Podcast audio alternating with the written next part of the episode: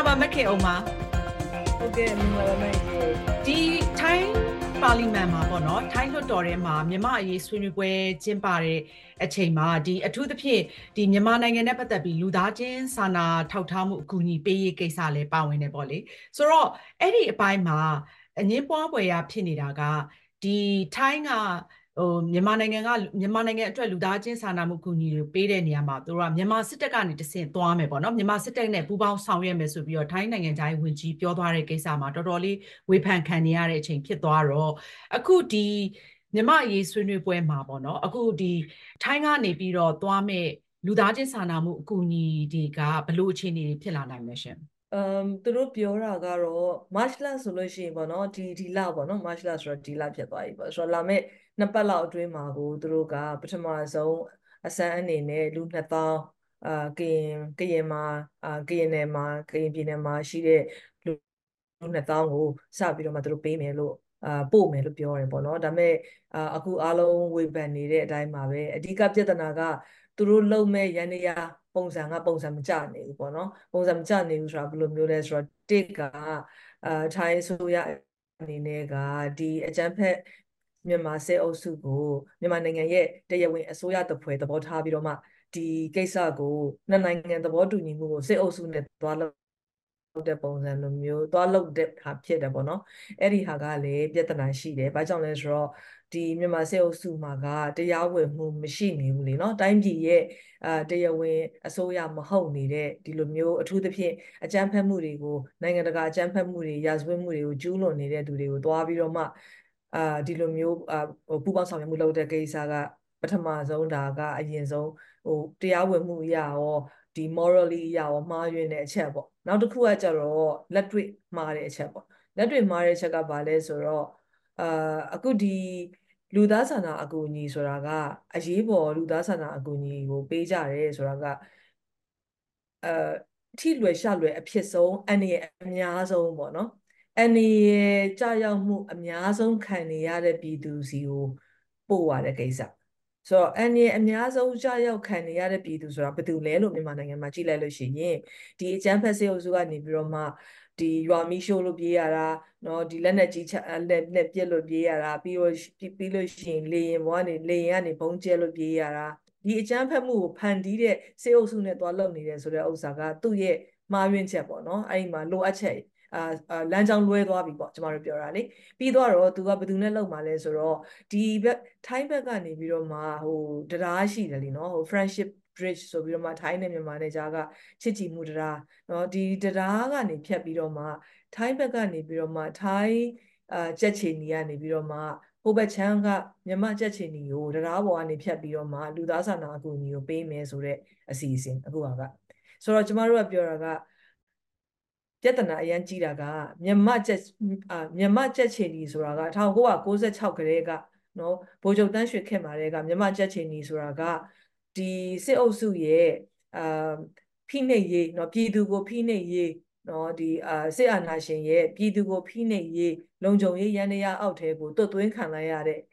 အာအုပ်စုအဖွဲ့ဖြစ်သွားပြီမြန်မာချက်ချင်းတွေကိုထိပ်ပိုင်းကနေအုပ်ချုပ်နေတာဒီနော်ဥဆောင်နေတာဒီတကယ်ဥဆောင်ရေး executive body ဒီ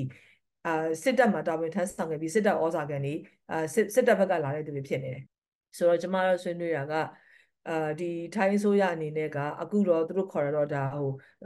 အာ pilot project ပေါ့ပထမဆုံးနမူနာစလုပ်တဲ့ဥစ္စာပေါ့ဒီ2000ကိုလာလာမဲ့နှစ်ပတ်လောက်မှာပေးမယ်ဆိုတဲ့ကိစ္စဆိုတော့အဲ့ဒါကစလိုက်ပြီဆိုတော့ကျမတို့ကအခုအဆိုပြုတာက ပြန်ပြီးနောက်ဆုတ်ပေးပါเนาะပြန်နောက်ဆုတ်ပြီးတော့တကယ်တမ်းကထိုင်းအစိုးရကတကယ်တမ်းပူးပေါင်းဆောင်ရွက်တင်တာက NUG အမျိုးသားညီညွတ်ရေးအစိုးရ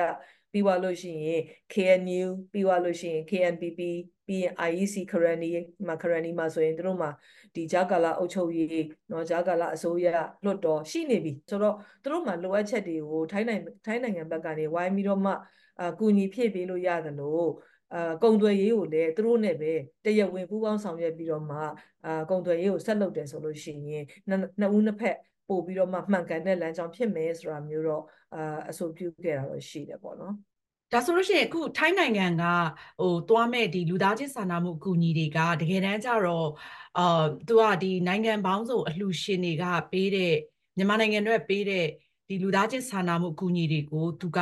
တာဝန်ယူပြီးတော့သူကနေတဆင့်သွားမယ်သဘောလားဥပမာအာဆီယံဆိုလို့ရှိရင်လေဒါလူသားချင်းစာနာမှုအကူအညီပေးရေးကိစ္စမြန်မာနိုင်ငံအတွက်သူတို့စီစဉ်နေတာတွေလည်းရှိတယ်အခုချိန်ထိမဖြစ်နိုင်သေးဘူးဆိုတော့လေနောက်အခုဆိုအမေရိကန်ဆိုရင်လည်းဒါသူတို့မြန်မာနိုင်ငံအတွက်လူသားချင်းစာနာမှုအကူအညီပေးရေးပေါ့ခုသူတို့လူသားချင်းစာနာမှုအကူအညီပေးရေးတွေကိုသူတို့မြန်မာနိုင်ငံအတွက်ဦးစားပေးလှုံ့ဆော်လာတယ်ဆိုတော့အကြောင်းရင်းတွေဖြစ်လာတဲ့အနေအထားတွေရောဘယ်လိုသုံးသပ်လဲရှင် ဟုတ်ပါတယ်ဟိုးရင်ကလေးကလည်းကျမတို့အခုချိန်ထိလည်းထိုင်းနယ်စပ်မှာ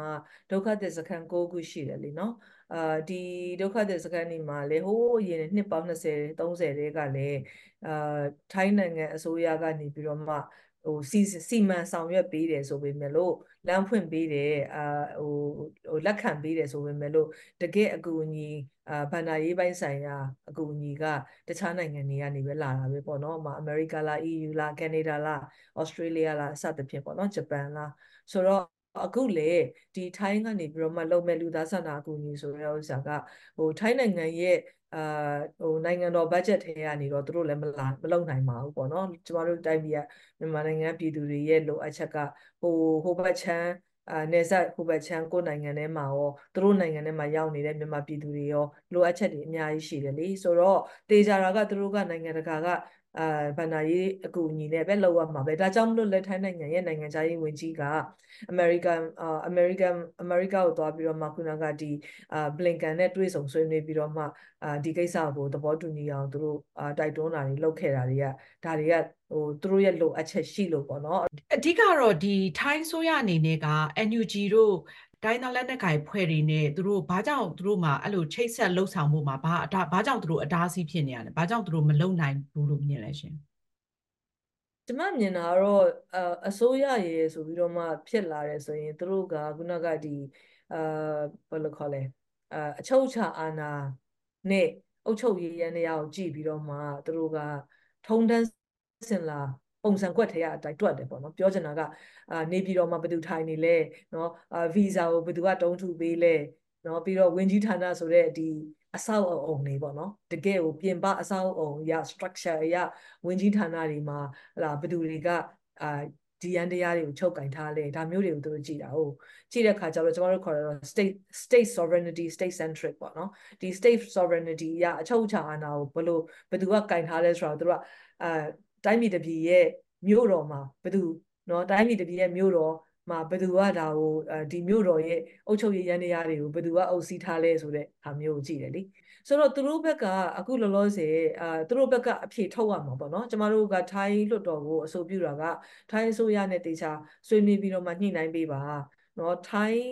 နိုင်ငံရဲ့နော်စီးပွားရေးကုန်သွယ်ရေးဟာမြန်မာနိုင်ငံပြည်သူတွေနယ်စပ်မှာရှိတဲ့တိုင်းရင်းသားဒေသအသီးသီးပြည်သူတွေအားလုံးအတွက်လည်းအရေးကြီးပါတယ်ဒါကြောင့်မလို့နယ်စပ်တွေမှာနော်နယ်စပ်နယ်စပ်ကုန်သွယ်ရေးတွေအကုန်လုံးဟာဟလာကရင်ကရင်နီအုပ်ချုပ်ရေးရန်တရားတွေနဲ့နော်ဒီကုန်သွယ်ရေး policy တွေနဲ့ပူးပေါင်းဆောင်ရွက်လို့ရပါပြီပေါ့အဲ့ဒါကြောင့်မလို့ဟိုနေပြည်တော်မှာရှိနေတဲ့စေအုပ်စုစီကိုသွားတဲ့ဟာကိုအာမလုပ်တော့ဘဲနဲ့ဖြတ်လိုက်ဖို့ပဲကျမတို့ကအဆိုပြုတယ်ပေါ့နော် ဒီထိုင်းလွှတ်တော်မှာပြုလုပ်တဲ့မြမအရေးဆွေးနွေးပွဲကိုဦးစီးကျင်းပတာကဒီလွှတ်တော်မှာရှိတဲ့အမျိုးသားလုံခြုံရေးဆိုင်ရာကော်မတီရဲ့ဥက္ကဋ္ဌပေါ့နော်ဆိုတော့ဒီလွှတ်တော်အမတ်ကသူကအဲ့တော့ဦးစီးကျင်းပတာဆိုတော့မြန်မာနိုင်ငံနဲ့ပတ်သက်ပြီးတော့ထိုင်းနိုင်ငံအမျိုးသားလုံခြုံရေးမှာပေါ့နော်ထိုင်းဘက်ကအဓိကသူတို့ဘာတွေဟိုစိုးရိမ်တာတွေပေါ့သူတို့အဓိကထားတဲ့အချက်တွေဘာတွေတွေ့ရလဲရှင်သူတို့တေချာတာတော့လေဟိုဟိုဟိုနေဆက်လုံခြုံရေးပေါ့နော် နေဆက်လုံခြုံရေးလို့ပြောတဲ့အခါမှာကျမတို့အာသူတို့ဘက်ကနေမြင်ကြည့်လို့ရတာကအာဒီစစ်ပွဲတွေဖြစ်နေတဲ့ကိစ္စနော်နောက်စစ်ပွဲဖြစ်တဲ့အခါမှာလည်းရှင်းရှင်းပြောရင်မှာစစ်အုပ်စုကဥမာလေလေချောင်းကိုအားကိုးတဲ့အခါမှာလေချောင်းနဲ့အာလာတဲ့အခါမှာနေဆက်နေဆက်ကတ်နေတဲ့နိုင်ငံတွေမှာသူတို့ရဲ့အမျိုးသားလုံခြုံရေးနဲ့အချုပ်အခြာအာဏာကိုလည်းထိခိုက်တယ်လေမြန်မာနိုင်ငံဘက်မှာဒီစစ်အုပ်စုအကြမ်းဖက်ခံရမှုကိုပြန်ပြီးတော့မှ defend လုပ်ရတဲ့เนาะပြန်ပြီးတော့ကာကွယ်ရတဲ့เนาะဒီအဲတော်လန်ရေးအင်အားစုတွေဘက်ကနေလက်တုံပြန်ရတယ်တိုးတော်လည်းပဲပြောချင်တာအနှစ်အနှစ်သာရအရာမှာတော့မြန်မာနိုင်ငံမှာပြည်တွင်းစစ်ဖြစ်တယ်စစ်ပွဲဖြစ်တယ်ဆိုတော့အဲ့ဒီစစ်ပွဲဒီအဲ့ဒီစစ်ပွဲရဲ့နောက်ဆက်တွဲအကျိုးအနောက်ဆက်တွဲတက်ရောက်မှုတွေပေါ့နော်အဲ့တက်ရောက်မှုတွေကစစ်စစ်ရေးအရာတက်ရောက်တာတွေရှိနိုင်တယ်ထိုင်းထိုင်းနိုင်ငံရောထိုင်းစစ်တပ်ကရောမြန်မာစစ်တပ်ရဲ့လူမဆန်မှုတွေယဉ်ကျေးမှုမရှိမှုတွေကိုသူတို့လည်းကောင်းကောင်းသိတယ်အဲ့တော့သူတို့ဘက်က သူတို့နိုင်ငံရဲ့လုံခြုံရေးအရာကြည့်ရမယ့်ဟာတွေအများကြီးရှိတယ်နော်လူတွေဝင်လာလို့ပါလာမဲ့နော်နောက်ဆက်တွဲအာစီးပွားရေးလူမှုရေးပြဿနာတွေပြီးရင်စစ်တပ်ရဲ့အာဟိုအကြမ်းဖက်မှုတွေစစ်ရေးအရာအကြမ်းဖက်မှုတွေကြောင့်မလို့သူတို့နိုင်ငံရဲ့အာအချုပ်ချာအာဏာနယ်မြေနဲ့လုံခြုံရေးကိုထိခိုက်လာနိုင်တယ်ဒါတွေလည်းသူတို့ဘက်ကအများကြီးစဉ်းစားရတဲ့ဟာမျိုးရှိတယ်ဆိုတော့ကျမမြင်တာတော့သူတို့ဘက်ကအာခြုံပြီးတော့မှခုနက စစ်စစ်ပိုင်းဆိုင်စစ်ဖက်ဆိုင်ရာအရာအချုပ်အခြာအာဏာလုံခြုံရေးလူသားဆိုင်ရာလုံခြုံရေးသူတို့နိုင်ငံရဲ့လူမှု fabric နော် social fabric နဲ့လူမှုအတိုင်းဝိုင်းပေါ်မှာထိခိုက်လာနိုင်တဲ့အနေအထားမျိုးတွေဒါမျိုးတွေကိုသူတို့စီမံခန့်ခွဲဖို့အတွက်တည်တည်ချာချာကိုသူတို့အာလေးလေးနက်နက်ကိုသူတို့တွေးပြီးတော့မှစီစဉ်မှုတွေစီစဉ်မှုတွေလုပ်ဖို့အာသွားလုပ်နေပြီဆိုတာတော့ကျမတို့မြင်ရတယ်အဲ့တော့တစ်ဖက်မှာလည်းဟိုစစ်ကောင်စီက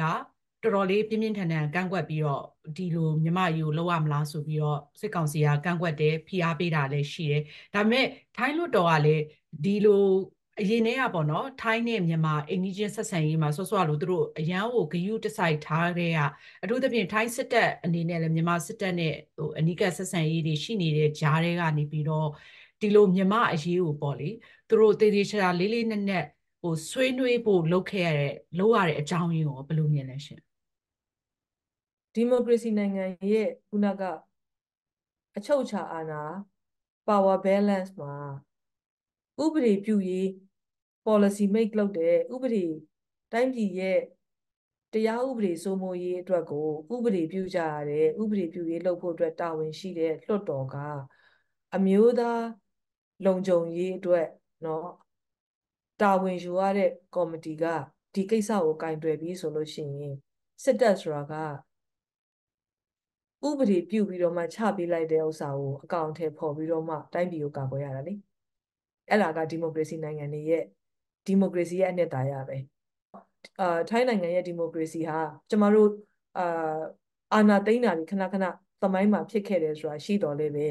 ဒီမိုကရေစီအုတ်မြစ်ကခိုင်ထားပြီးသားတို့ကအဲ့အတွက်ကြောင့်မလို့အခုလိုမျိုးလွှတ်တော်ရဲ့အမျိုးသားကာကွယ်ရေးအမျိုးသားလုံခြုံရေးကော်မတီကနေ ဥက္ကဋ္ဌကိုယ်တိုင်ဥဆောင်ပြီးလုပ်တယ်ဆိုတော့ဒါဟာထိုင်းစစ်တပ်အနေနဲ့လည်းလွှတ်တော်ကခေါ်ပြီးဆိုရင်တို့ကလာပြီးရှင်းပြရတာပဲကျမတို့နိုင်ငံလိုမဟုတ်ဘူးလေနော်အဲ့တော့လွှတ်တော်ကခေါ်ပြီးဆိုရင်စစ်တပ်တီလည်းလာဟိုတို့ရဲ့အာဗိုလ်ချုပ်တွေလည်းလာပြီးတော့မှဦးစီးစေဦးစီးချုပ်တွေလည်းလာပြီးတော့မှရှင်းပြပေးရတာပဲဆိုတော့ဒါဟာကျမတို့ဒီမိုကရေစီရဲ့ အခြေခံအုပ်မြစ်တွေနဲ့အနှစ်သာရတွေထိုင်းမှာရှိနေတဲ့ဥစ္စာဒါကျမတို့အင်မတန်မှဟိုဘယ်လိုခေါ်မလဲမြန်မာနိုင်ငံရှေ့သွားတဲ့အခါမှာလည်းဒီလိုမျိုးအခြေခံအုပ်မြစ်မျိုးတွေကိုခိုင်အောင်လုပ်ဖို့အတွက်ကျမတို့အတွက်အာဟိုနမူနာယူစရာတွေလည်းအများကြီးရှိတယ်ပေါ့နော်ဆိုတော့သူတို့ရဲ့အလေးထားမှုဟာကျမတို့နိုင်ငံဒီမိုဒီ Federal Democracy ရဖို့အတွက်တိုက်ပွဲဝင်နေတာအတွက်ကိုနိုင်ငံရေးအရာရောเนาะကျမတို့အတွက်အများကြီးအားထားစရာဖြစ်နေလို့ပဲကျမတို့ကျမတို့